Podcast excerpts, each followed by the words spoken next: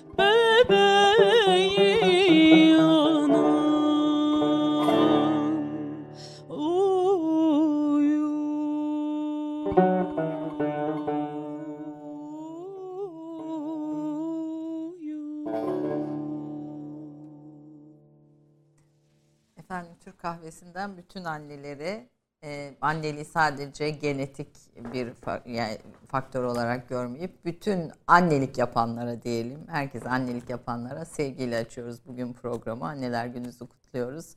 Hocam hoş geldiniz. Hoş ee, Yaprak çok teşekkür ediyorum Furkan sana da. Furkan Resiloğlu. Ne dinledik? Önce onu bu güzel evet, bu bu sözlerde müzikte harika. Münir Nurettin bu Selçuk. Eser, evet Münir Nurettin Selçuk'a ait Anne Ninni isimli bir eserde. Çok da güzel bir eser. Şey, bestesi e, sözü kime sözü ait? Sözü de kendisine ait bildiğim kadarıyla. Hı-hı. Çünkü bütün kaynaklarda Münir Nurettin Selçuk diye geçiyor. Geçiyor evet. müftesi de. Ondan Münir Nurettin'den dil, dillenilen bir eser. Yaprak evet. çok da icra edilmeyen bir eserle evet. gene Anneler Günü'ne böyle bir müzik hediyesi yaptı.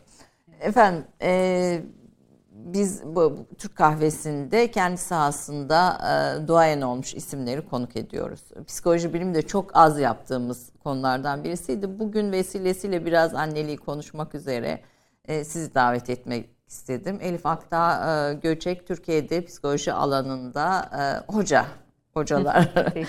Çok sevilen hocalardan birisi. Bilgi Üniversitesi'nde şu anda e, bir öğretim üyesi aynı zamanda e, ve yaptığı çalışmalarla özellikle farklı kesim ve gruplarla yaptığı çalışmalarla e, sahasında duayen bir isim efendim lütfettiniz. Evet. Hoş geldiniz. Evet. Çok kısaca bir e, bu, bugün bir özgeçmiş hazırlayamadık. Bir CV hazırlıyorduk ama ben böyle bir geçerek Elif evet. e, Akdağ Göcek kimdir diye geçerek biraz da üstünde konuşarak başlayalım istiyorum. E, siz Boğaziçi Üniversitesi'nde e, yüksek lisans eğitim eğitiminizi yapıyorsunuz. Daha sonra e, Kanada Toronto Üniversitesi'nde okul ve çocuk klinik psikolojisi alanında e, doktoranızı tamamlıyorsunuz. Kaç yıl kaldınız 8 orada? 8 yıl. Işte. 8 yıl Toronto'da ve orada da e, çalıştınız aynı zamanda. Tabii sadece. tabii. Yani uzmanlığı almanız için orada çalışmanız gerekiyor. E, tezinizde klinik ve klinik olmayan gruplarda annelerin çocuklarını anlama kapasitesi ve duygusal ulaşılabilirliklerini araştırdınız. Hı hı. Ve bu, bu kitap olarak sanırım evet. e, yayınlandı. Bu nasıl bir çalışma hocam? E, bu şöyle o zamanlar ilk bir çalışmaydı. Şimdi çok e, özel bir konu e, dünyada dolanıyor. Yani bir başkasının zihninden geçenleri nasıl anlarsınız?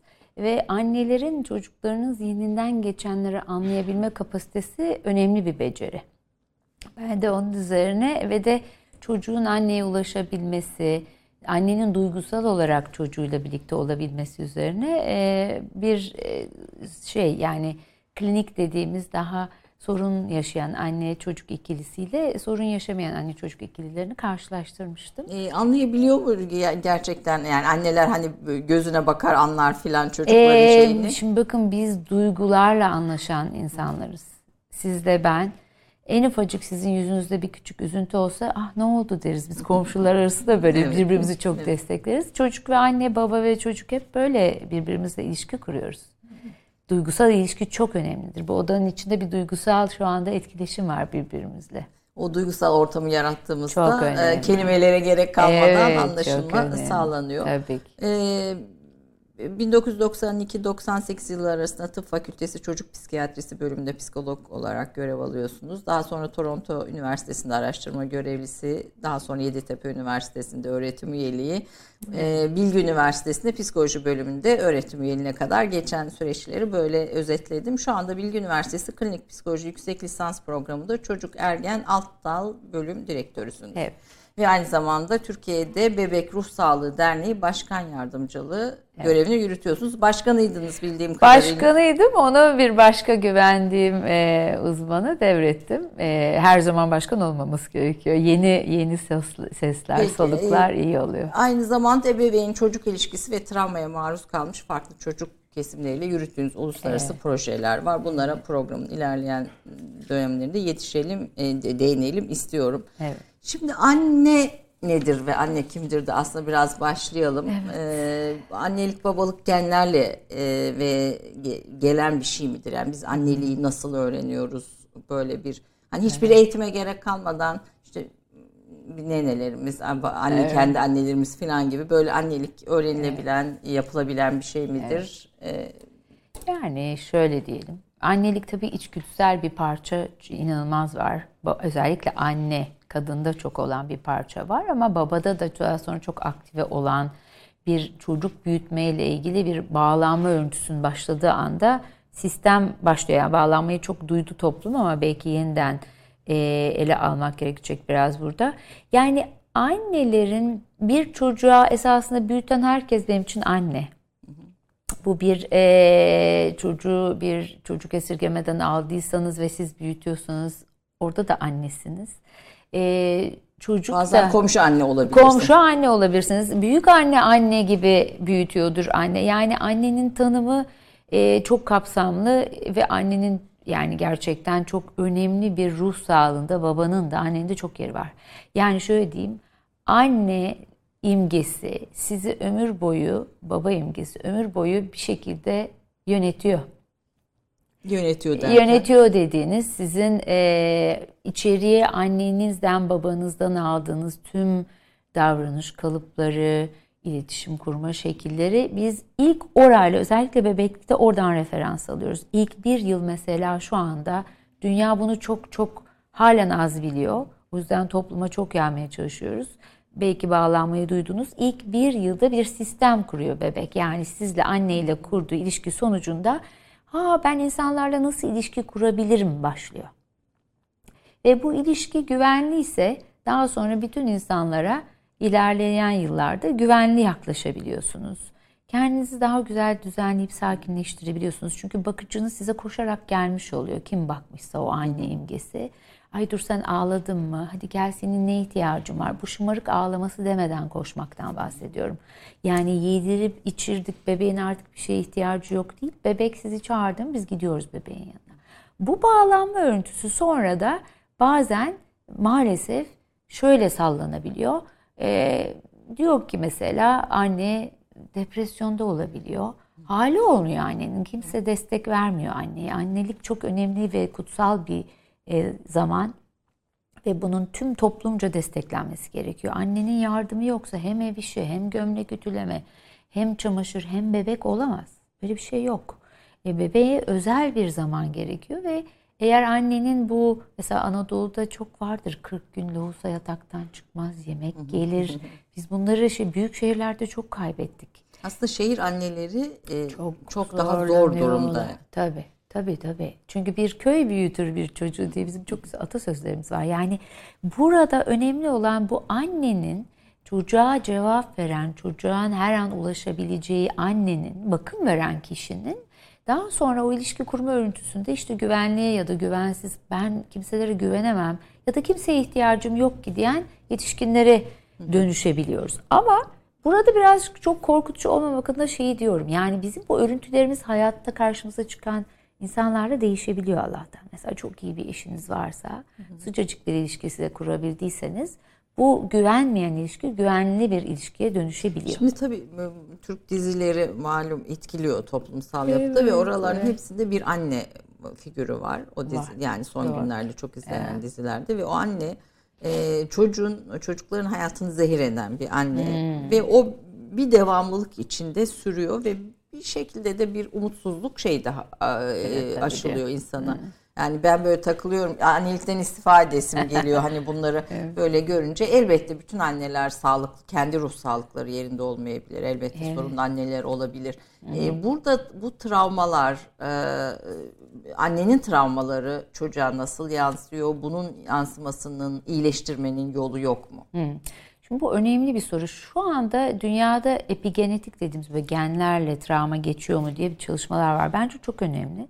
Çünkü neden? Çok travmalarla e, yaşamış bir annenin doğumda bebeğe travmatik bir genetik aktarım yaptığı bulunuyor. Çok enteresan bir şey yani bu. genlerle, genlerle travma, geçiyor. geçiyor. Evet. Yani siz mesela bir göç yaşamış olabilir evet, de, Savaş, göç tra- toplumda travma ile bebeği doğurduğunuzda çok daha ağlayan, çok daha huzursuz bir bebek doğurmanıza sebep oluyor. Genlerle geçiyor.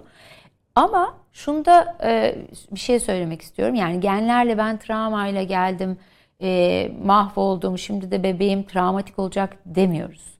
Çünkü neden? E, dediğim gibi travmalarla maruz kalsanız bile farkındalığınız yüksekse, çocuğa bunu yansıtmazsanız, bebek huzursuz bir bebek bile olsa ona gidip koşarsanız, sarmalarsanız, benim yaşadıklarımı çocuğuma yaşatmayacağım derseniz ya da anneniz çok sert bir anne, çok travmatik bir çocukluktan geçtiniz, tacizlere uğradınız ama ben çocuğuma bunu yapmayacağım derseniz bu travmalarla geçen ebeveynlik modeli de deriz biz buna.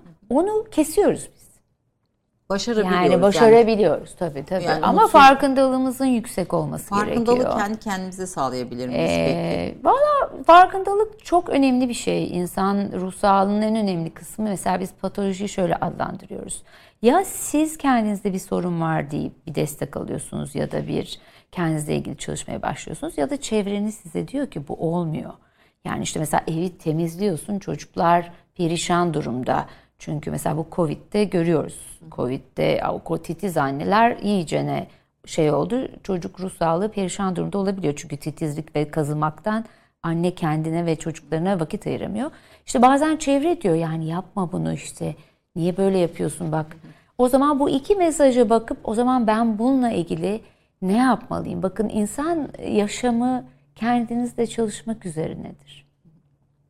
Yani biz e, canlı varlıklarız ve çok etkileşim içinde ve değişime çok müsaitiz. Yeter ki değişmek isteyelim.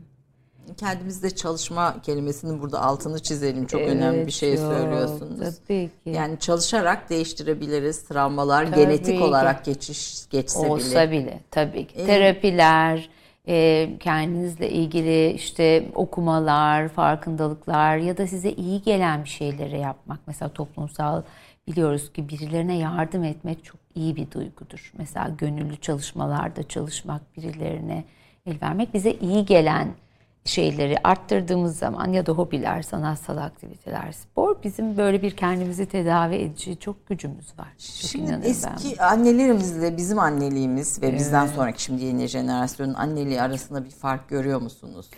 E, tabii var. E, yani tabii kırsal kesim şehirde arasında Anne, da fark var. nesil farkı aslında. Var. Yani nesil farkı anneliği nasıl etkiliyor? Ee, Anneliğin algısını, yorumunu. Yani daha bilinçli anneler, günümüzün anneleri okuyorlarsa ve farkında işte bu televizyon programlarını seyrediyorlarsa anneler çok çabalıyor günümüzde. Tabii çalışma koşulları şehirdeki annenin zorlaşıyor. Hem iş yaşamı, hem desteğin azlığı, hem e, ama işte kayınvalide ve eşi aynı anneliği bekliyor yine çocuğa da bakacaksın. Orada biraz daha yıpranılan bir anne modeline geçiliyor. Yani o yüzden anneliğin farkındalığı yükseldikçe çocuğa da vakit ayıramadığı için kendini suçlu hisseden bir anne de var. Bence en önemli faktörlerden bir anneliği etkileyen bakın eskiden çocuklar dışarıda oynardı. Şimdi evdeler. Evet. O kadar üzülüyorum ki ben dışarıda oynayan çocuklardım. Saatlerce oynardım. Hepimiz öyle mahallede evet, oynayan. Evet mahallede oynardık.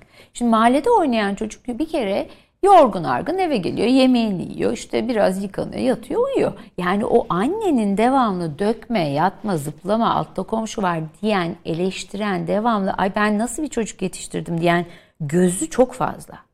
Dışarıdaki oynayan çocuğu anne görmüyor ki çocuk istediği gibi oynuyor. Yani çocuk ruhsağına çok aykırı bir şeyde yaşıyoruz. Keşke her mahallede bir çocuk parkı ve rahat rahat oynayacakları alanlar olsa. Anneler biraz çocukların işte biraz gözetmenler eşliğinde tabii hani anneler arası nöbet tutarak dışarı koysalar da şu atladın zıpladın döktün üstüne döktün nasıl yiyorsunlar azalsa annelikte rahatlasa. Bu müdahaleler bebek çocuk ruh sağlığını tabii yetişkin e, olduğunda nasıl etkiliyor peki hocam? Çok etkiliyor. Yani ben son yıllarda ebeveynlerle şunu çok çalışıyorum. Yani bir yıl içinde çocuk birdenbire çatal bıçak kullanıp efendim nasılsınız demek zorunda değil. 18'e yani evden gidene kadar çocukla çocuğa bir şey aktarma ahlaki değerler, nasıl davranılır, yalan söylemez gibi değerler aktarma çok yılınız var. 3 yaşındaki bir çocuğu biz hiç oturmadan kalksın masada yemek yesin diyen anne babaları görüyorum ben. Otobüste hiç kalkmadan oturması gerektiğini düşünüyor. 2 yaşındaki bir çocuk kalkmadan duramaz. Yani ben size şöyle bir şey söyleyeyim.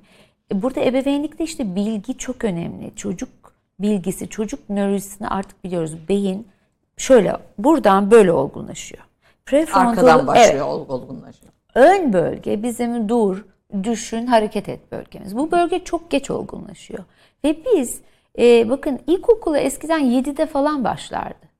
Doğru yaşlar bunlar. Çünkü neden? Talimat alma, oturma, kıpırdamadan bekleme, biraz daha dinleyebilme kapasitesinin arttığı yaşlar. 3 yaşındaki bir çocuğu biz e, aynı bir yetişkin gibi davranmazsa çok kızıyoruz. Mesela çocukların zıplaması, atlaması lazım. Koltuklarda zıplıyorlar. Çünkü kaba motorun gelişmesi için bu çok önemli bir şey zıplamak, atlamak, hareket etmek, koşmak.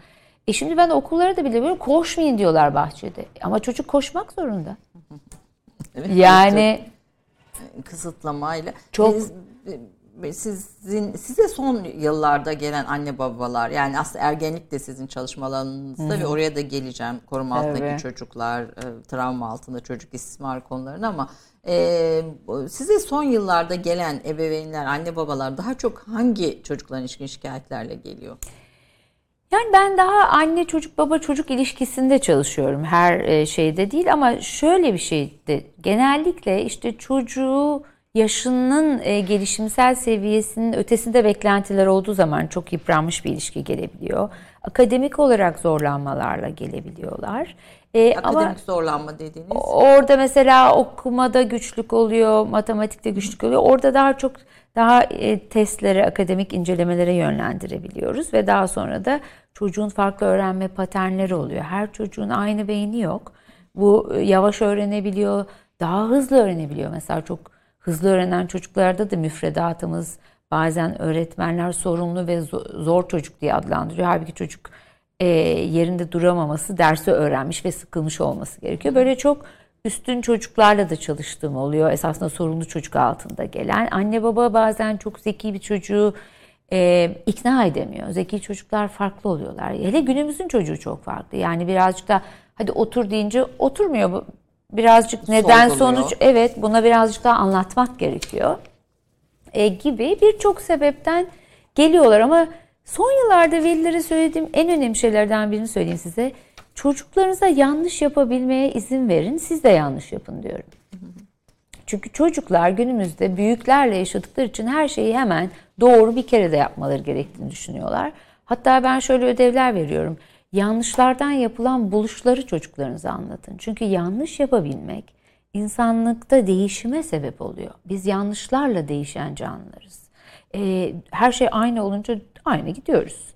Bir ihtiyaç olduğu zaman buluşlar yapıyoruz. O yüzden çocuklarınıza yanlış yapabilmek, bir şeyleri mükemmel anne baba olunmaması gerektiğini düşünüyoruz. Biz yeterli anne baba istiyoruz. Mükemmel değil, yeterli. Hayır, mükemmel yani, insan diye bir şey yok. Bu mükemmellik performansı biraz galiba son 30-40 yılın annesiyle. İşte son yılları sorduğunuz için söyledim. Evet, Her son. şey en iyi olacak. Böyle bir ütopik bir şey yani her şey en iyi olmasın. Ee, şey de söylüyorsunuz bu yaşlardaki sorunlar aslında toplumun geleceğine yansıyor. Çok.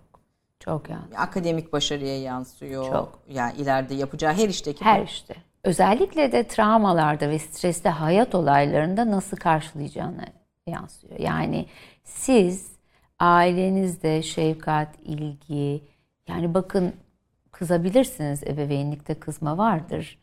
Gerekirse ceza da verebilirsiniz, ödül de verebilirsiniz. Ben biraz böyle farklı düşünen bir klinisyenim. Ama o evde gördüğünüz kabul edilme hali, beğenilme ve sevilme, şartsız sevilme dediğimiz bir şey vardır. Yani dersini çalışırsan seni severim, dersini çalışırsan seninle oynarım cümlelerin olmadığı, ne olursa olsun seni seviyorumla yetiştiğiniz zaman hayatta e, sorunlarla karşılaştığınız zaman kendinize güvenmeye güvenebiliyorsunuz. Bu bir, çok önemli. Bir de iki yılda bebek beyni iki katı büyür. Üç yılda bebek beyni yüzde seksen oranında şekilleniyor. Evet, çok e, diyorsunuz. Bu o, şekillenmeler sırasında bebeğin kendi duygularını düzenleme, akademik başarısı gibi her şey buna bağlı. Yani ilk üç yıl. Çok kritik. Çok. Yani ilk üç yılın bu kadar önemli olduğunu bilse dünya Biliyor musunuz ne kadar huzurlu insanlarla bir arada yaşayacağız? Herkes birbirine sarılacak. Yani ben buna çok inanıyorum. sebebi o ilk üç yıl. Evet çok kızgın insanlar. ilk üç yıl ha, değişebiliyor insanlar.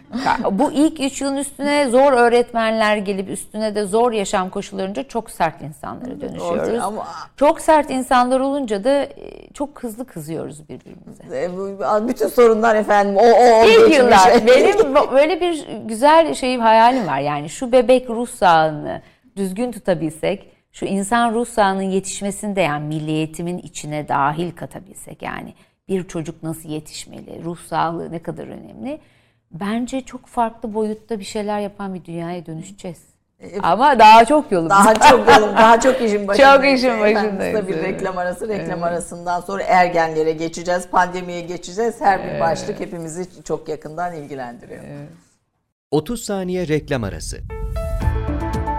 Türkiye'nin tek haftalık haber dergisi Gerçek Hayat, gündemi yakından takip ettiği dosya ve röportajlarıyla her pazartesi okuyucusuyla satış bayilerinin raflarında buluşuyor. Gerçek Hayat artık sayfalardan dijitale taşıyor. Sayfalara sığmayan yazılar, röportajların perde arkası, interaktif içerikler. Gerçek Hayat artık size daha yakın. Tüm içeriklerden ilk haberdar olmak istiyorum diyenler. Gerçek Hayat, GZT'nin sosyal medya hesaplarına davet ediyor. Reklam arası sona erdi.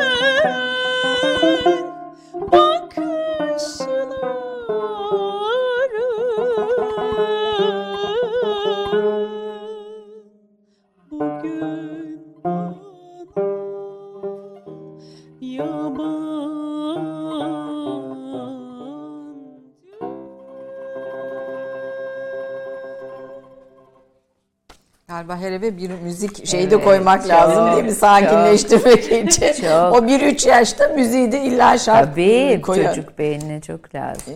Geliştirici bir Tabii şey. çok. beş duyu da çocuğa uyaran lazım. Yani müzik, dans, koku, görsellik. Hepsi bir arada. Hepsi bir Ee, arada. işte ne, ne Evet. dinledik yaprak sen? Ekrem Giyer'in bir şarkısıydı. Çok Çok, da güzel. güzel bir eser. Ayrılmak ne kadar zor isimli Evet. bir şarkı. Evet, biz de böyle güzel. keyifli severek dinledik Furkan'la e, Yaprak'tan. Efendim Elif Akdağ Göçek televizyonları yeni açanlar için söylüyorum. Ee, Bilgi Üniversitesi öğretim üyesi. Ee, Türkiye'de birçok psikoloğu yetiştiren isimlerden birisi. Anne çocuk sağlığı, ergen sağlığı, pandemi, travmalar konusunda uzman. Ee, bu konuda duayen önemli isimlerden birisi. Yurt dışı çalışmalarıyla da aynı zamanda. Şimdi bebek kısmını, çocuk kısmını kapatıp biraz ergene, savaş, travma, risk altındaki çocuklara biraz geçmek istiyorum ama e, bu burada e, ilave olarak sadece anneler değil, bakım veren kişilerin de yani anneanne, komşu, mesela bir çocuğu sadece aile büyütmez, toplum büyütür diyorsunuz. Evet. Bunlara dair de yani işte e, ne, ne söylemek istersiniz? E, e, yani bu mesela yurtlarda anne anneleri olmayan çocuklar da var. Anneleriyle bu güvenli bağ asla gerçekleştiremeyecek olan çocuklar da var. Bunlar için ne yapılabilir? Evet yani çocuk bağlanıyor kim ona bakıyorsa. Bunda anlaşılıyor. Yani büyük ve birkaç kişiye birden de bağlanabiliyorsunuz. E, şöyle şeylere çok dikkat etmemesini istiyorum. Mesela yurtlarda yaşayan çocukların bakım verenleri düzgün ve devamlı olmalı. Yani o çocuk bir bakım veren bakıcı anneye bağlandığı zaman bu anne 3 ayda bir değişmemeli. O işte orada biz gerçekten kırıyoruz o bağlanma örüntüsünü ve tabii ki şöyle oluyor ama bir bakım veren hem 8 çocuğa bakıp hem de her tarafı toplayıp hem de çocuğa duygusal olarak e, ulaşılabilir olamaz. Yani, Yani bu ne demek? Evet, evet şefkatli sarıl gel bana sarıl dediği zaman kucağına alamaz. O yüzden bakım veren herkesin bir ikinci etrafı toplayan kişiye ihtiyacı var. Yani ben mesela çalışan anneye de, kurumdaki anneye de bak, ilk sorduğumuz soru şudur. Doğum yaptıktan sonra bebeğin o ilk ilk 3 yılında, 5 yılında size kim destek verdi? Yani çünkü çocuk gerçekten her işini bırak bana sarıl dediği an sarılmalıyız ona. E, kurum veren ya da bir büyük anne mesela büyük anneler çok güzel bakabiliyor dedeler ama mesela televizyon karşısında oturtabiliyorlar çocuğu. Çünkü televizyon hareket halinde. Halbuki televizyon ilk yıllarda bebek beynine son derece zararlı bir halinde. Ama günümüzün bakım veren bakıcısı olarak kullanılıyor. Çünkü çocuk sabitleşiyor ama ciddi olarak nörolojik kayıplarla çocuklar bize geri dönebiliyorlar. Ee, ekrana buradan çok kısa bir parantez Evet, açalım. açalım. Aslında ekran, bir- telefon, iPad vesaire. Çok zararlı. Çok. E, nasıl bir zarar? Yani Şöyle bu zar- zararlı. Bebek esasında emeklemeye başladığı zaman referans alıyor bebek bizle ilişkisel olarak ve bu referanslarla duyguları, düşünceleri anlamaya başlıyor. Bir de çevreyi gezip emekleyerek keşfetmesi gerekiyor. Sonra kalkması gerekiyor. Sonra düşmesi, sonra top oynaması. Bütün bunları konuşmayı, her şeyi durduruyor televizyon. Bebek böyle karşısında kala kalıyor ve bütün o nörolojik gelişimi durduruyorsunuz. Bu yasak. Ben şimdi annelerin, bakıcıların, bakım verenlerin ellerinde telefonla restorana gittiğini görüyorum. Çocukların ki sabit olsun, otursun. Korkunç bir şey. Yani ya oyuncak alın ya bir şey alın ya da bırakın çocuk koysun. Siz de peşinde gezin. Çünkü çocuk e, ge- gelişmesi için, o nörolojik gelişimi için hareket etmek zorunda. Bu sonraki dönemdeki aslında zeka çalışma Çok vesaire bir sürü şeyini etkiliyor. Evet, tabii, zeka tabii. gelişimi de anladığım Çok kadarıyla. etkili. Tabii. Çünkü ay, özür dilerim. Yani bağlantılar kuruluyor beyinde. Uyardığınız zaman bebeği. E, bu bağlantılar kullanılmazsa da bir müddetten sonra bağlantı kurulmamaya başlıyor. O kadar kritik bir dönem. Bebek ve erken yaşlar. Yani, e, illaki sonra zaten ekranda tanışacak yani zaten. Tabii Bu- tabii. bunun- Aceleniz yok ama onun da şey- saatleri falan hep çok e, çok dikkatle Peki bu, ortamda babanın yerini Baba günümüzde araştırmalar babanın inanılmaz önemli olduğunu gösteriyor. Mesela kendine güvenden ve akademik başarılı baba çok devrede. Yani baba içeri girerse bunu anneler, babaanneler biraz daha desteklerse tabii ilk meme verirken, emzirirken zorlanabiliyor baba ama bir alt değiştirebilir, gazını çıkarabilir, yatırabilir ve babanın bağlanması çok erkenden başlarsa bebekle arasındaki ilişki e, çok hızlı çocukla bambaşka bir pencere açıyor baba. Baba dış dünya ile ilgili çok güzel bir köprü çocuk için. Mesela babalarla ilgili araştırmalarda babanın böyle güreş ederek oynaması var ya acayip güzel bir e, ilerletiyor çocuğu. Neden? Çünkü baba böyle sert sert oynadığı zaman tabii aşırı sert oynamamalı. Ya da hızlı hızlı futbol, top ki kız çocuklarıyla da oynanmalı bu. E, okula giden çocuk birisi ona çarptığı zaman ağlamıyor. Çünkü babasıyla bu e, şey oyuna çok alışık. Hani hatır hutur gürültülü. Babaların ayrı bir repertuarı var. Ve tabii anneleri de desteklemeleri gerekiyor. Yani soluk alması için. Yeni bir dünya. Mesela ben şu anda babaları diyorum ki gidin kızınızı araba galerine gezdirin. E, lastik değiştirmeyi öğretin. Çünkü neden? Ben size şöyle bir veri söyleyeyim. Mutlu evliliklere bakıyorlar. Boşanmanın az olduğu günümüzde. Eğer e, kadının içinde erkeklik imgesi varsa yani babanın içeri koyduğu futbol izlemek, e, işte dışarılarda bir şeyleri erkeklerle halledebilmek baba bunu öğrettiyse kadın da oğlana, erkek çocuğuna işte biraz çamaşır yıkamak, biraz dedikodu, biraz alışveriş yapmak öğrettiyse bu ikisinin evliliği çok uzun sürüyor. Evet bu yeni güzel bir bütün kültürlerde yapılıyor. Ama erkek çok maço yetişti bu kadın işi.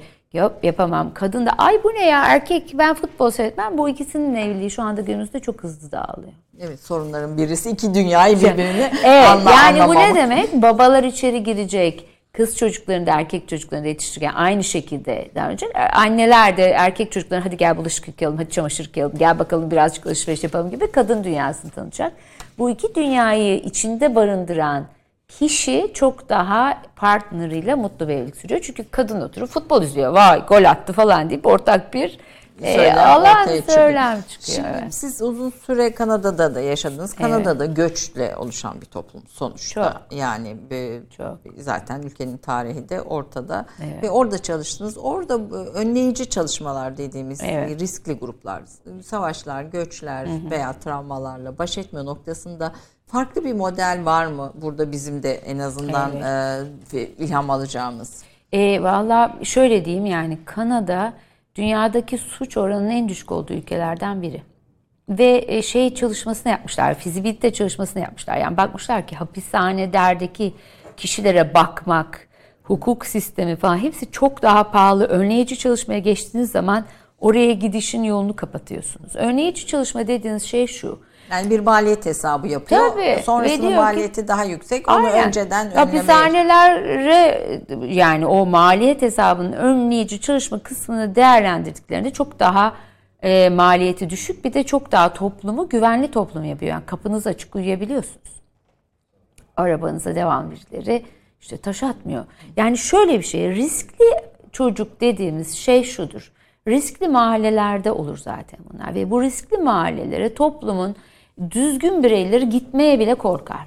İşte Kanada bu riskli mahallelerin içinde toplum merkezleri açıyor. Yani riskli anne ne demek riskli anne? Fakir, topluma gelmiş lisanı bilmiyor, evinden çıkmaya korkuyor çünkü toplu taşıma kullanmayı bilmiyor. Bu annelerin bebekleriyle gidebileceği merkezler kuruyor. Bu merkezleri bebeğiyle giden anneye bakın toplumun gönüllüleri sadece devlet değil el ele başlıyorlar çalışmaya. Bunları yemek kursu var, lisan kursu var, kompütür kursu var, anne bebek ilişkisi kursu var, bebeğin bırakabileceği oynayacağı oyun kursu var. Evinde fare varsa sosyal hizmetler gidiyor faresine kadar çocuğu yuvaya koyabiliyorlar gibi gibi gibi. Yani o aile yola geçene kadar böyle sarıp sarmalıyor sistem onu. E ondan sonra hatta şey yapabiliyorlar. Mesela bir riskli aileyi bir başka aile evlat ediniyor gibi oluyor. Yani böyle yapış yapış olmasına gerek yok ama ona destek veriyor ki o aile birazcık belini doğrultuna kadar. Şimdi ülkemizde bu modelin birazı başladı. Kızılay mesela toplum merkezleri açtı Suriyeli aileler için. Ama bu toplum merkezlerinin Bence en çok eksik kısmı gönüllü ekibi, toplumu, mahalleyi de kaynaştırması gerekiyor. Yani Biraz insanlarda tepki var ve o, evet. o onu kaynaştırıyor. Yani benzer bir uygulamayı Danimarka'da da ben görmüştüm. Evet. Gönüllü ekip kendiliğinden oluşuyordu. Bizde bizde biraz orada da tepki var elbette de. Bu gönüllü evet. ekip çok kolay oluşmuyor galiba. Çünkü Ama biz, yine de var tabii. Biz gönüllü çalışmayı öğretmiyoruz. Yani yurt dışlarında gönüllü çalışma ilkokuldan başlıyor. Bizde gönüllü çalışma yok ki. Yani siz böyle 40 yaşından sonra hadi ben gideyim haftada bir gün yıllarca aynı merkezde çalışımı devreye sokamıyoruz. Yani biz de böyle bağış yaparız. Oraya zekat veririz ama bu devamlılık gerektiren bir şey. Yani mesela orada bir hemşire vardı. Nöbetlerinin dışında hafta sonu 2 saat gidiyordu İngilizce öğretiyordu. Bir başka kişi vardı geliyordu kadınlara yemek pişirmeyi öğretiyordu. Yani bizde gönüllülük işi daha ilkokuldan çocukları öğretirsek biz çok birbirimize yardım etmeyi seven bir toplumuz bu arada. Biz yardım ederiz. Evet ederiz. Çok ederiz. Ama ederiz keseriz. Yani bu böyle Sürekli. devamlı, devamlı bir kör insana yaşlılığına kadar onu hastaneye götürme şeyini çok az yaparız. Şahsen komşumuza çok yaptığımız hani devamlı yaptığımız kısımlar da var. Yani sistemsel olarak Toplum e, kızıyor ama ben şeye çok inanıyorum. Yani hareket halinde olan bir dünyayız. Bu arada biz de göçle kurulmuş bir ülkeyiz. Tabii. Yani üç jenerasyon gerinize gidin. Hepsinde Hepimiz bir yerden geldik ve demek ki bizi birileri el verdi. Evet. Korudu, kolladı. Evet. Bir korudu. de travmalarla geldik. Yani bakın göçle geldik demek. Bizim de esasında biz çok enteresan bir ülkeyiz. Yani çok da kuvvetli bir ülkeyiz. Yani bir sürü şey yaşıyoruz. Deprem, terör, göç, savaş. Hepsinde duruyoruz. Yani bir tarafında da şeyi düşünüyorum. Yani demek ki iyi anne babalarımız var ki duruyoruz yani. tabii ki. Onlar, yani onlara sevildik, borçluyuz. Sevildik gerçekten. ki duruyoruz. Evet, Bakın evet. çok şeyleri alabiliyoruz. Evet. Kanada'da kar fırtınası çıksa ödü patlıyor. Herkes terörize alıyor. Biz neler neler halen buradayız Fırtınalar, yani. seller, evet, felaketler evet. bana mısın? Kuvvetli bir toplumuz yani. Anne babalarımıza şey yapalım. Evet. Ee, Biraz eğitimimizi artırmamız gerekiyor yani. Eğitim Kadın artırar. eğitimi artmalı. Annelik öğrenilebilir bir şey mi annelik babalık? Annelik babalık e, iç içgüdüsel olarak sizi bağlıyor ama dediğim gibi çocuk ruh sağlığı ergenliğe de geçebiliriz buradan. Onu bilmezseniz çocuğu çok yıpratabiliyoruz. Onun için bilgi çok lazım. Peki ergenliğe geçelim. Geçelim. Şimdi hele pandemide ergenlerle birlikte olan aileler Evet, çok çok daha zor zorlandı. durumda diye düşünüyorum. Evet. Ee, hele mekansal darlık falan imkanlar itibariyle de. Ee, ne yapacağız ergenlerle birlikte yaşar? Ergenler. Neyi yapacağız, neyi Neyi yapmayacağız? en korktuğum dönemdir çocuk yetişimi. Ergenlik zor bir dönem. Şöyle yine o beyin gelişimi devam ediyor ergenlikte. Hem de çok hızlanmaya başlıyor. Çok enteresan. Yani bir de herhalde şunu bileceğiz. Ön beyin o dur yapma diyen beyin henüz gelişmedi. dağılıyor. Dağılıyor. Dağılıyor. Yani böyle 8-9 böyle pa- böyle pamucak olan çocuk birdenbire hıh diye bir kediye dönüşebiliyor karşınızda. Çünkü beyinde inanılmaz nörolojik değişimler başlıyor. Yani bu çocuğun ahlakı kötü yetişmesi falanla ilgili değil, fizyolojik diyelim her şey. Fizyolojik hormonlar patlıyor. inanılmaz vücutta değişimler oluyor. Böyle ergen korkunç bir bana ne oluyor, herkese ne oluyor, siz de kimsiniz, bana niye karışıyorsunuz denilen çok zor, fırtınalı bir döneme giriyor. Şimdi burada anne babaların eskisi gibi ay gel sana bir sarılayım, hadi de şunu niye topla, niye ders çalışmıyorsun diyen o böyle birdenbire günümüzün gençliği de biraz daha anne babasına bir şey diyebiliyor ki ben bunu severim. Hakarete geçmediğiniz müddetçe itiraz edebilmek önemli bir beceridir. Çünkü ileride patronunuza da benim maaşım niye artmıyor anca öyle dersiniz. Der tabii, Tabii. bunu öğrenerek. Tabii ki. Haksızlığa uğradığınız zaman pardon itiraz ediyorum ancak anne babanın size izin vermesiyle geçer. E, ebeveynlik modelleri vardır. Çok sert ebeveyn, otoriter ebeveyn dediğim bitmiştir. Hiçbir pazarlık hakkın yoktur dediğiniz ebeveynlik modelinin çıktıları iyi değil. Çünkü siz daha sonra haklarınızı isteyemeyen kişiye dönüşüyorsunuz.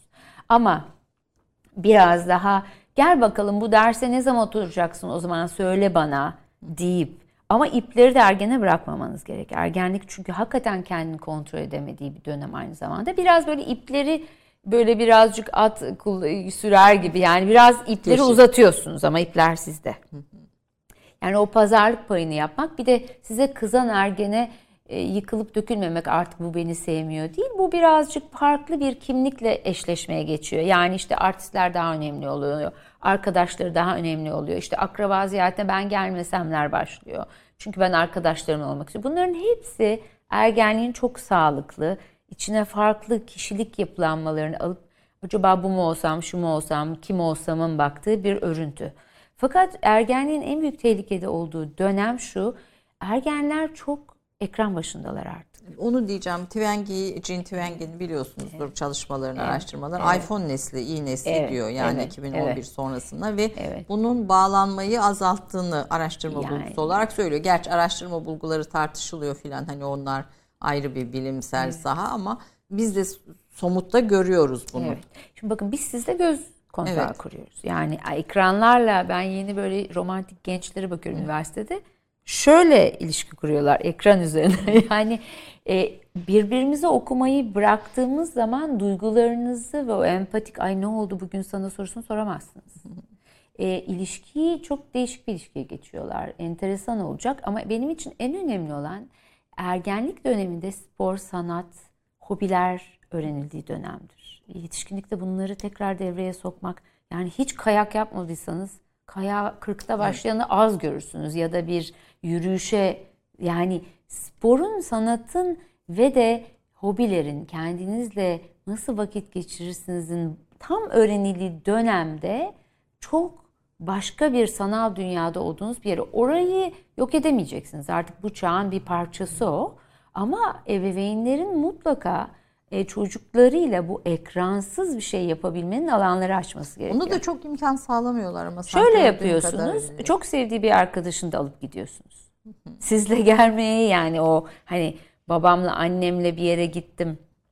İşte ama bir arkadaşını da alıp hadi gel pikniğe gidelim diyebilirsiniz. İki de top alıp. Ama bu bir savaş zaten. Ebeveynlerin ekranlara karşı verdiği ama ebeveyn de oturup bütün gün televizyon seyredip ekran başındaysa modelliyorsunuz. Ya anne baba da iletişimini oradan. O zaman çok zor bunu içerik. Ee, Sizin bir e, bahsettiğiniz bir şey var. Yüz e, mimikler üzerine iletişim deneyimi üzerine. Şimdi bu aslında iPhone yani iPhone dediğimiz akıllı telefonlarla birlikte telefonla iletişim hakim olmaya başlayınca o birbirinin duygusunu anlamama her çağ, her yaş için geçerli Çok, değil mi? tabii tabii.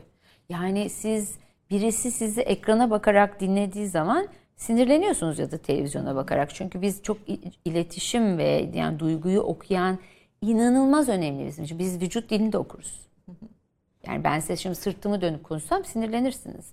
E, bütün bunlarda tabii ilişkinin kalitesi çok düşüyor ve ergenler için e, çok ciddi bir e, partner ilişkisi nereye gidecek enteresan yani benim için çift ilişkisinin çok zorlanacağı döneme girecekler. Ya bu e, telefonlarla büyüyen ergenler evet, için evet. söylüyorsunuz. Evet. Yani yeni evliliklerde de çok çatlamalar var zaten. Boşanmalar artıyor. Görüyor Hep musunuz bu, siz yeni şey e, tabii, gelen iletişim için. çünkü dinleme sanatı. Zaten mesela yurt dışında çift terapisine gittiğin zaman burada da var mutlaka. Sizi ilk bir iletişim becerilerine yolluyorlar. Yani karşısındaki nasıl dinlenir, nasıl anlanır. Ergenlerde de öyle mesela ergenlerde anne babaya önce dinlemeyi öğretiyoruz. Niye bunu yapmadın odan niye dağınık değil de e, önce ergenin ne kadar meşgul olduğunu anlamak, onu bir ona bir alan açmak, sonra düşüncelerinizi söylemek gibi karşımızdakini önce duyduğumuzu, anladığımızı söylememiz çok önemli.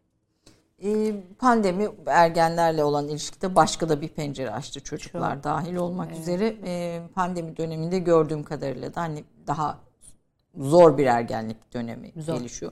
Pandeminin hem çocuk hem ergen için oluşturabileceği e, handikaplar, sorunlar evet. ve sonrası için ve bundan çıkış için önerileriniz ne olur? Evet. Şimdi ben pandemi dönemini bir hayat olayı olarak algılıyorum. Yani bir depremde yaşadığımız zaman bu bir hayat olayı. Ve çocuklar hayat olayları yaşandığı zaman anne babalarına bakarlar. Biz bu hayat olayını nasıl baş ediyoruz ailece? Şimdi eğer anne baba panik halindeyse, çok ağır depresyonlardaysa, e, hayat olaylarının nasıl üstesinden gelindiğinin modellerini içeri alıyoruz. Tabii bunu değiştirebiliriz sonra ileride kendi farkındalığımızla ama ergenlerle yaşam sırasında ya da çocuklarla en çok dikkat edilmesini önerdiğim şey Kendinize iyi bakın. Anne babalara söylüyorum. Kendinize iyi bakın derken Derken işte online'dan spor yapabilirsiniz. Ergen sizi spor yaparken görür. Müzik dinleyebilirsiniz. Güzel bir radyo açarsınız. Ekransız sadece müziği dinlersiniz.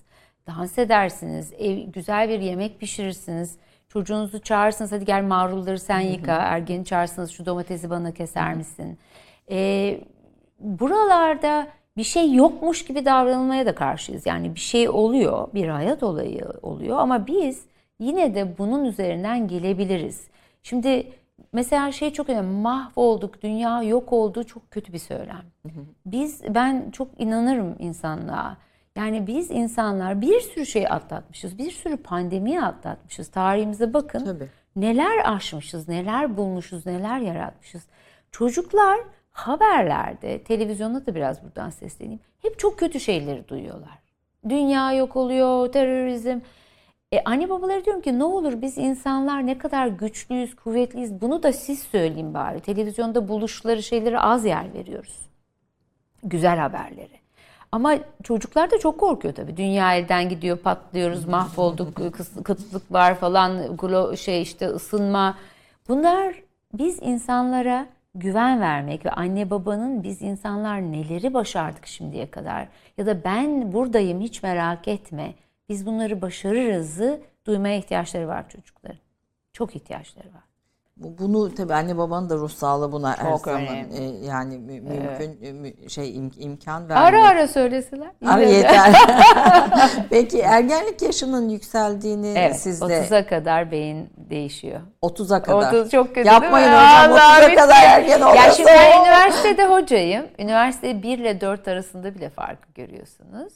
E, her er, şimdi bakın her ergen aynı şekilde fırtınalı ergenliğe girmiyor. Kimisi çok daha güzel geçiriyor ergenliği, kimisi çok fırtınalı geçiriyor. Ama işte onu diyorum liselerde, ortaokullarda ders çalış, test çöz yerine biraz daha spor, sanat, biraz daha kanalize etsek bu ergenleri bu kadar fırtınalı geçmeyecek esasında. O psikik enerjiyi kanalize ettiğiniz zaman bir ergen yani 4 haftada 4 gün futbol ya da bir basket oynadığı zaman pamucak geliyor zaten. O da çok mümkün değil imkanlar, koşullar. Ee, ama Türkiye. belediyenin her şeyi var yani çocuklarınızı yeter ki kaldırıp götüreceksiniz. Bir de 19 yaşında bir erkene baskete başlatamazsınız. Çok Tabii erken kaldırıp başlamak. götürme kısmı galiba en zor kısmı yani. Üç çocuk yetiştirmiş birisi olarak. Doğru, yani en doğru. zor kısmı o Demek ki kaldırıp o zaman götürme kısmı. belediyeler servis sunacak. Ona Yani o da belediyeler öyle zor yani. Bence Evet. her şey olabilir ama o kaldırıp götürmeyi Evet. başarma kısmı galiba Evet. en Doğru, doğru. e, Kaldırıp götürme zor, zor. zor bir kısım. Pandemi sırasında çocukları anlamak durumundayız diyorsunuz. Bunu derken kastınız nedir? Şimdi pandemi şöyle endişeler kişilerin içinde çok e, değişik şekillerde çıkabiliyor ve çocuklarda mesela çocuğa önce gelelim. Bu kelimeleri kullanıp biliyor musun anne baba ben çok korkuyorum bu dünya patlayacak yok olacak demiyorlar. Bunu böyle çok ağlayarak uyku uyumak istemeyerek yemek yemek istemeyerek gösterebiliyorlar. Biz e, çocukların ne olduğunu nasıl düşündüğünü anlamak için biraz onlarla vakit geçirmemiz gerekiyor. Bir şeyi öğretmediğimiz bir şeyi söylemediğimiz anlar yaratmak gerekiyor. Yani ne demek? Oyun oynayabilirsiniz. E, oyunda da şunu şöyle yap, bu evi de buraya koy diyerek değil. Hadi sen ne istiyorsan onu oynayalım diyerek. Ya da bir yürüyüşe götürebilirsiniz. Yani bu hiçbir şey demediğiniz anlarda çocuklar size bir sürü şey anlatmaya başlıyor. Ya da yatarken sohbet edebilirsiniz. Hani kitap okumayı falan yeni jenerasyon seviyor ama hep bir şey vermekle meşgulüz. Bir şeyi dinlemeye alan açmak. Hadi gel sohbet edelim mi? diyebilirsiniz. Bunu ergenlerle de yapabiliyoruz. Ergeni alıp hadi gel iki dakika bana yardım et derken siz bir şey söylemezseniz ergen bir şey söyleyebiliyor. Ya da bir arabayla bir yere gidiyorsanız eğer ekrana bakmıyorsa ki ergen rica edebilirsiniz. Bir sohbet açabiliyorsunuz. Burada ergen size bir sürü şey endişesini anlatabiliyor. Bu arada bu dizilerin sizin Netflix vesaire gibi dizilerdeki özellikle uyuşturucu kullanımı falan üstünden şeylere de itirazınız var. Çok var. Modellemeler. Çok, Bu- çok. bunlar etkiliyor mu gerçekten? Yani izledikleri ergen Tabii. açısından bakın. Ergenler, sanatçıları, futbolcular herkesin o kişilik gelişiminde e, çok içeri alırlar. Şimdi e, bu kadar içkiyi, sigarayı, alkolü, uyuşturucuyu modelletirseniz e, de- zaten denemeye çok açık bir beyindeler. E, çok riskli buluyorum ben toplumda bunların bu kadar gösterilmesi gerektiğini. Buna dair araştırmalar var mı hocam? Yani izleme ve izleme ile birlikte kullanım Ee, artışı falan üstünden. Yani mutlaka var ama ben daha çok şiddet üzerine izlemeleri biliyorum. Şiddet içerikli mesela oyunlarda e, beynin şiddeti gördüğü zamanki reaksiyonu düşüyor artık. Yani birisi böyle kanlar içinde yatınca o beyin biz alarma geçeriz ne oldu deriz. O aldırmıyor.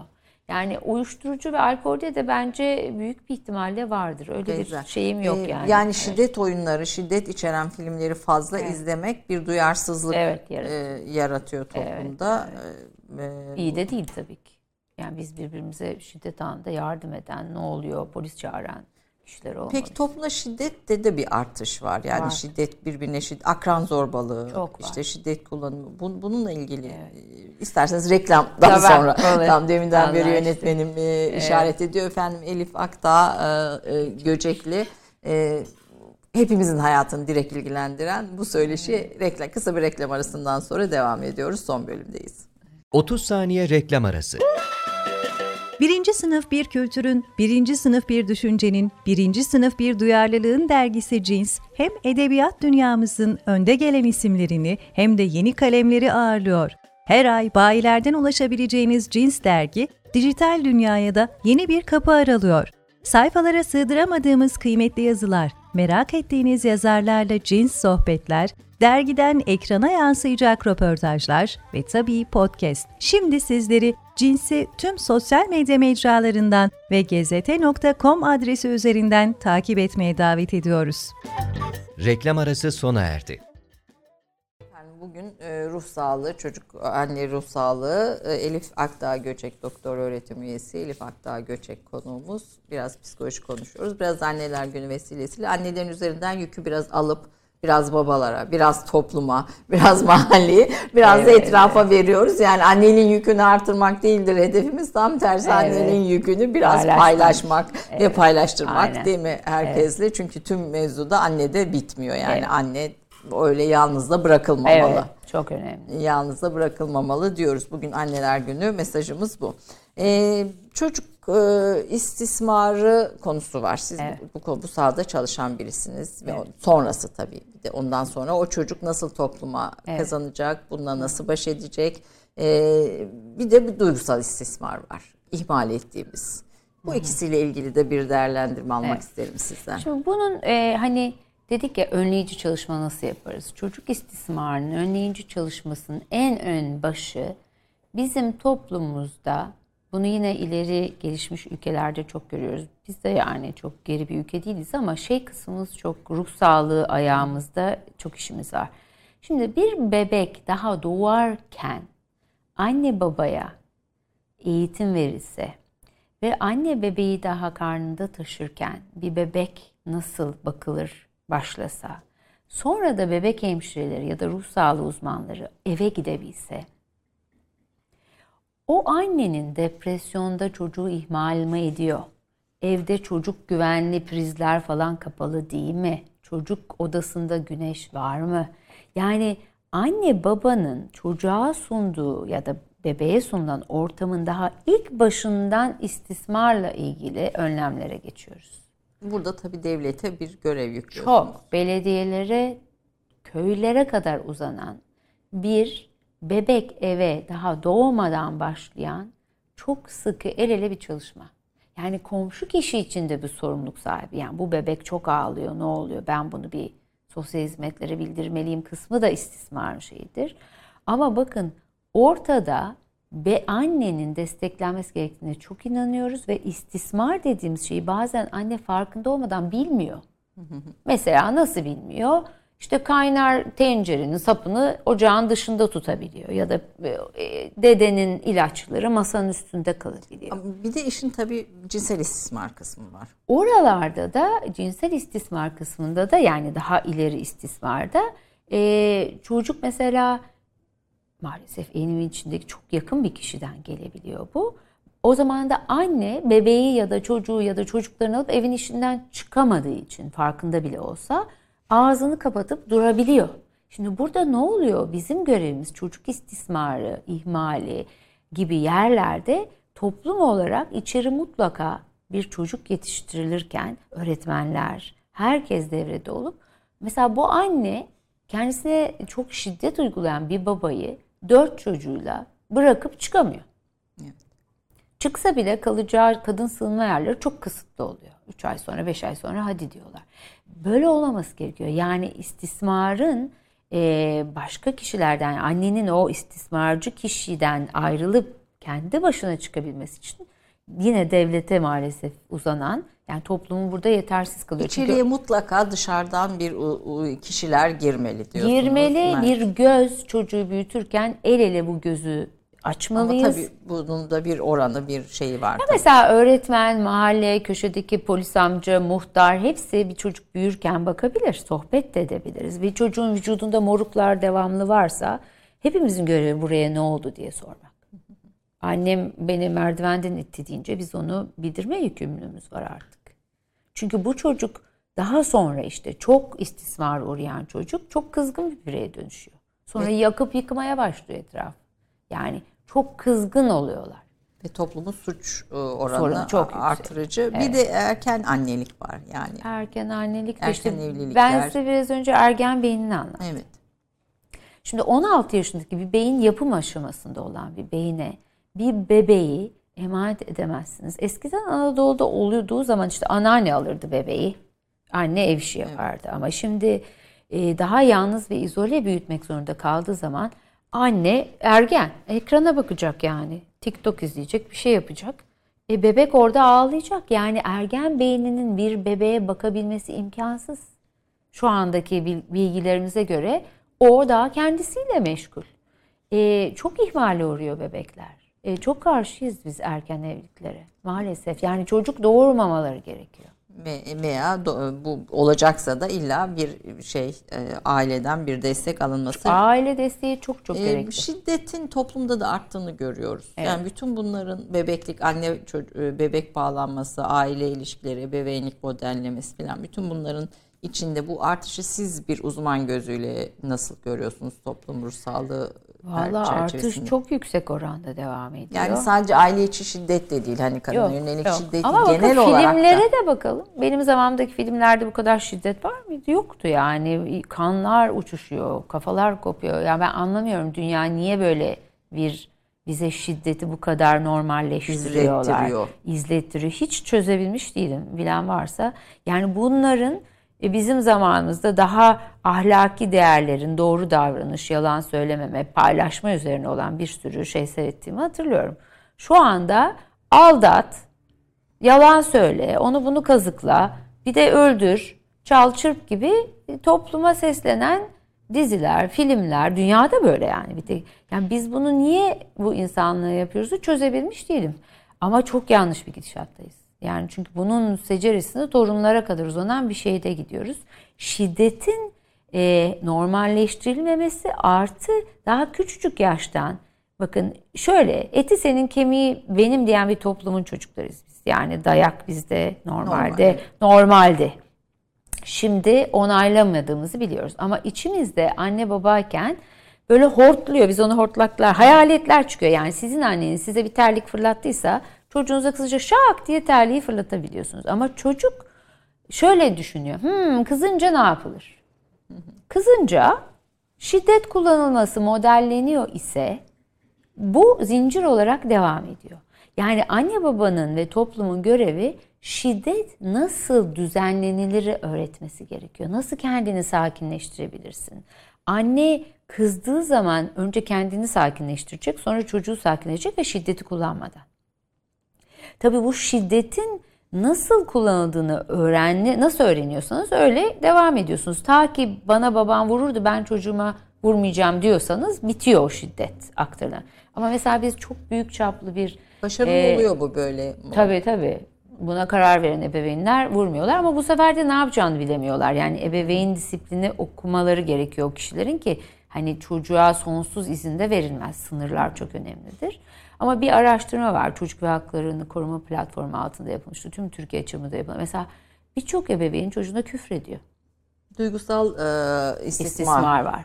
Ya da sen beceremezsin, salaksın diyor. Bunlar hep çocuk ruh sağlığında yine kızıldığı zaman ne yapılırın modellemesi. Yani şiddet ve öfke yönetimi çok önemli bir şey. Çocukta öfke, şiddet daha yönetilemez yaşlardalar. Onlar tamam.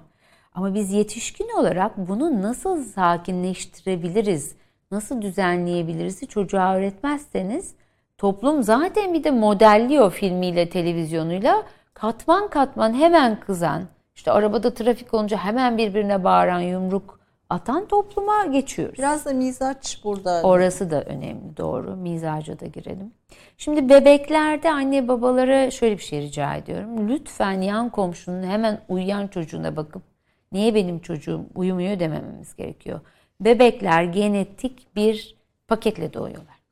bir kodları var. yani. Evet, evet. Nasıl saç rengi, göz rengi geliyorsa, e, gülme şekli bile yani genlerle Evet, evet. geliyorsa, mizaç da geliyor. Kimi bebek son derece hassas oluyor. Banyo yapmaya, yatmaya, değiştirilmeye ağlıyor. Kimi bebeğe ne yapsanız böyle ben restoranlara gidiyorum böyle toza bakarak duran bebekler var. Çok tatlılar yani onlarla anne babalar her yere giderler. Ama diğeri yerinde duramıyor. Böyle koştur koştur koştur o anne baba ona bakıyor o oturuyor niye bu oturmuyor diyor. Halbuki çok hızlı hareket eden çocuklarımız var. Bu hareket eden çocuklar esasında geçmişte böyle atlarla mesaj götüren çocukları Onlarmış yani onlar esasında ilerinin satıcısı, pazarlamacı, halkla ilişkiler olacak böyle yerinde duramayan çocuk. Ama biz onları niye o oturuyor bu oturamıyor diye paralıyoruz o çocukları. Sınıfta öğretmenler de bunları maalesef yapıyor. Bunlar hareket eden çocuklar. Kimisi çok daha kendini düzenlemede zorluk çekiyor. Diyor ki anne beni sallasana, beni uyutsana, bana dokunsana. O bebekle o bebek arasında çok fark var. Bebeğe bakın biz ebeveynlikte şöyle şeyi çok severim. Biz bebeğe büyürken eşlik ediyoruz. Kendi kapasitesinin en iyi şekilde büyütebilmek için. Siz ona elinizdeki malzeme göre hayır bu şekle gireceksin diyemiyoruz. Tabii ki bir şeyler değerler aktarıyoruz ama esasında onun mizacına, kendi huyuna, suyuna göre bir ebeveynlik sunmamız gerekiyor. Ebeveynlik modelleri çocuğa göre değiştiriyoruz. O yüzden Kimi çocuk çok daha hızlı sinirlenip çok hızlı ağlayabiliyor.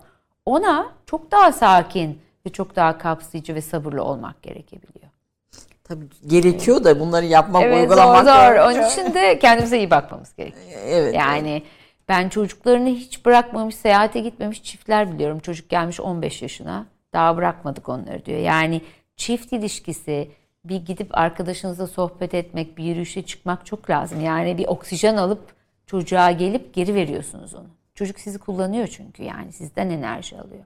O yüzden mutlaka bir destek alıp mesela ben şey çok çağırın tanıdıkları bir iki bırakın çocuğunuzu gidin bir yürüyüşe ya da bir arkadaşınızla sohbeti çok öneriyorum. Çok lazım çocuk Bir kendinize iyi bakın. Bir, bir ayrı bir Tabii bir sah- uyumak çok önemli. sah- oyun terapisi de yine sizin e, eğitim sahalarınızdan, Hmm. Evet. eğitim verdiğiniz sahalardan birisi. Bir çocukla nasıl etkileşim içinde olabiliriz? Özellikle travma görmüş Evet. çocuk- çocuklar için. E, bu konuda da kısaca fikirlerinizi almak isterim. Şimdi e, travmanın şöyle bir şeyi var. O bilgiyi bilin. Yani travma sonrası stres bozukluğu diye bir bilgimiz vardır bizim. Travmayı yaşadıktan sonra travma sizi devamlı e, küçük bir şey gibi böyle devamlı içinizde sizi rahatsız eder. Bu böyle kokuyla gelir, görsellikle gelir. Özellikle savaş sonrası travmalarda bunu çok iyi biliriz. Zaten onlarla çıkmış bilgiler bunlar. Vietnam'da ağır travmalara maruz kalmış. Ve bu travma ile ilgili kısmı çalışmazsanız bunu şöyle amigdala yani sağ hemisferde depolanıyor dönüyor ve orada kelimeler yok. Orada böyle birden imgeler var yani koku, şey savaşa giden savaş muhabirlerinde falan çok görürüz. Yani böyle rahatsız olursunuz, birdenbire uykusuz olursunuz, uykular kaçar. Çocuklarda da böyle. Kelimelerin olmadığı bir yerde işte oyun devreye giriyor. Çocuklar size anlatamıyorlar. O yüzden oyun eşliğinde oyuncakları kullanarak ki ben bunu öğretmenler de öğrensin. Yani terapi öğrenmek değil ama oyunu kullanarak çocuğu dinlemeyi öğrenmek çok önemli. Yani biraz geri çekilin. Bırakın dünyanın oyuncaklarını verin. Hayatı anlatabilecek. Mesela erkek çocuklarının e, şeyleri yok. Yani anne baba figürleri yok. E anne babayı nasıl oynayacak erkek çocuğu? Kız çocuğunun da arabası yok falan gibi. Yani bütün yaşamı oynayacak oyuncakları verin ve bırakın çocuk yaşamı nasıl oynuyor bakın. Filmden nasıl etkilenmiş. Çok seyretti. Çocuklar çok fazla şey görüyorlar artık. Çocuk güvenliği konması gerekiyor. Mutlaka telefonlara, bilgisayarlara çok yanlış bilgileri anında görebiliyorlar. Bakalım ne görmüş çocuk, ne izliyor? İşte bu travmatik yaşamlardan gelen çocuklarla da oyunu kullanarak ne anlatmaya çalışıyor bu çocuk buna çok bakıyoruz. Peki o, o oyunu kullanarak anladınız. Yani Evet. e, anladınız sonra onu nasıl? Ha şimdi şöyle kişinin kendini tedavi etme gücüne güveniyorsanız ki ben çok güvenirim. Oyun bu terapötik te iyileşmeyi de çok sağlıyor. Mesela çocuk anne babası ayrılmış, bir travma yaşamış. Anne babayı göremiyor. Babalar da bazen kızıp birbirlerini böyle yok edicesine şey yapabiliyorlar. Çocuğu görmemeye başlayabiliyorlar. İşte bakın terapide, oyun terapisinde çocuk anne babayı yan yana yatırabiliyor. Bir araya getirebiliyor. Babasının kucağına kendisini oturtabiliyor. Yani yapamadığınız şeyi, o aciz yaşadığınız anı kuvvetli bir ana çevirebiliyorsunuz kendi gücünüzle. Orası inanılmaz bir iyileştirici gücü var. Peki. Devlet koruması altında yaşayan çocuklarımız Evet, var. var. Ee, veya bir şekilde kimsesiz farklı şeylerde yaşayan çocuklarımız var. Bunlara ilişkin de toplum olarak dikkat etmemiz gereken şeyler nelerdir? Şimdi devlet koruması altındaki olan çocuklarla ilgili yeni şeylerimiz var bizim müdahalelerimiz. Mesela ailelerine geri dön- döndürelim, aileleri birleştirelim deniyor. Güzel, çok destekliyoruz. Ya da işte evlat edindirelim, daha güvenli aile. Bunu da destekliyoruz. Ama burada çok zor yaşamlardan gelmiş bir çocukla çok zor yaşamlarda olan kendi ailesine ikisini birleştirirken mutlaka bir iki yıllık destekleyici içeride uzmanların çalışması gerekiyor. Ee, o anne babanın zaten sorunlu geçmişlerden gelen anne babanın bir ergeni kurumdan gelmiş bir ergeni kapsayıp toparlayıp yönetebilmesi çok zor oluyor. Yeniden travma, ikinci travma yaratabiliyoruz. Ya da çocuk esirgemeden bir çocuk almaya inanılmaz inanıyorum. Çok bir yaşam değiştiriyorsunuz. Harika bir şey. Ama bu çocuğun e, nasıl e, davranmak, nasıl yönetmek, nasıl anne babalığı öğrenmekte mutlaka uzmanların içeri girip yine bir yıl, iki yıl o ailelere destek vermesi gerekiyor. Bu kısmımız biraz zayıf. Bunu daha güçlendirmek. Bunu çok güçlendirmemiz gerek. Çünkü çok çok önemli hizmetler bunlar insan ruh sağlığı için. Ee, bir de çalışan ve çalışmayan anneler kısmı var. Artık son cümlelerle e, Tamam. toparlayalım. Sizin çalıştığınız projelerden bahsederek söylüyorum. Ee, burada da e, bu annelerin anksiyete ve kendilerine güvenlerinin karşılaştırılması konusunda ne söylersiniz? Valla şimdi çalışan annenin işi çok yük- yüksek oluyor. Yani hem ev hem çocuk hem de iş dünyasının çok istekleri olabiliyor. Bu kadar çok şeyi en iyi yapabilmeye çalışan anne çok hızlı e, yıpranabiliyor. O yüzden benim e, çalışan annelere ekstra destek gerektiğini düşünüyorum. Yani ne demek? Mesela iş yerleri çalışan anneyi destekleyecek esnek saatler yaratabilirler. E, çocuk hastalandığı zaman onun yerine gelecek esnek. Yani bu kadının iş hayatında olması gerektiğine çok inanan bir uzmanım. E, ama bir yandan da bir insan yetiştiriyorsak şirketlerin de buna destek olması gerektiğine Bir inanıyorum. sosyal sorumluluk Çok, en azından. çok, bir çok, ödev, çok. bir toplumsal ödev Yani olarak. büyük anneler, büyük babalar, komşular hepsi bu çocuk yetişirken dediğim gibi annelere yüklenmek değil, annelere destek çağrısını ya da annelerin toplumda belki işte mesela bırakamıyor çocuğunu şehirdeki anne. Bir yere bırakıp dişçiye bile gidemeyebiliyor. O zaman belki de böyle merkezler olacak çocuğunu iki saat bırakıp bir dişçiye gidip gelebilsin diye gibi. Kısa süreli Kısa bakım süreli, merkezleri, çok kısa- çözülebilir e, Evet, şeyler olabilir. olabilir. E, ebeveynlerin dünyasında dijital çok hakim değildi ama şimdi çocuklar dijital işte dijital göçmeniz Hmm. filan tanımda kullanıyoruz. Dijitalin içine doğdular ve dijital bir Doğdular. gelecekleri var. Bu ikisi arasındaki dengeyi e, nasıl sağlarız? Bir de e, son sözlerinizi de almak istiyorum. Hayatta çocuklara verilebilecek en önemli şey güvenli bir bağlanma Evet, diyorsunuz. Bu diyoruz. çerçevede mesajlarınızı alarak Tamam. e, bitirelim Valla bu efendim. Covid'de çocuklara, ebeveynlere bayağı dijital dünyada yardım ettiler.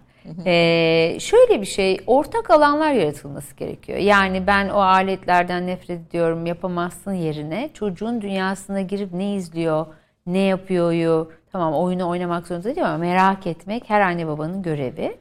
Ee, ama bir yandan da çocuğu o dijital dünyadan, yani şöyle devamlı eleştirdiğiniz bir insana kapatırsınız kendinizi artık. Yani anneniz babanız devamlı sizin yanınızda bu ne ya niye bunu yapıyorsun derse ama biraz oturup birlikte vakit geçirip sonra da onu hadi gel birlikte yemek yapalım mıya çağırdığınız zaman o zaman bir ortak alanlar başlıyor. Yani dijital dünya günümüzün şu anda gittikçe hızlanarak evet gerçeği bunu yok Pay- edemeyeceksiniz. paylaşmak belki. Çocuk size bir şey öğretebilir mesela ne kadar Evet. güzel bir şey. Ee, bağlanma evet çok önemli. Çok çok önemli ama bağlanma dediğim gibi biz güvensiz bağlandık öyle öleceğiz diye bir şey yok. E, değişebiliyor. O yüzden çok umutluyuz. Bir de ruh sağlığını her yerde çok önemsemek gerektiğine çok inanıyorum. Çünkü ruh sağlığı sizi streste, iflasta, şiddette koruyor. Toplumun he- hayatın her her Her yerde her koruyor. yerde koyuyor. Hocam çok teşekkür ediyorum. Rica Ders gibi oldu bizim için küçük parçalardık. Evet, Sizi çok şey yıllar için. içinde bir sürü Evet. psikoloğa öğrettiğiniz, bir sürü öğrenciye öğrettiğiniz bilgileri biz böyle küçük hap gibi çekerek e, Aynen. almaya gayret e, sarf ettik. Emeklerinize e, şükran duyuyoruz yani müthiş de bir şey. çok Birçok öğrenci yetiştiriyorsunuz e, bu bilgilerle.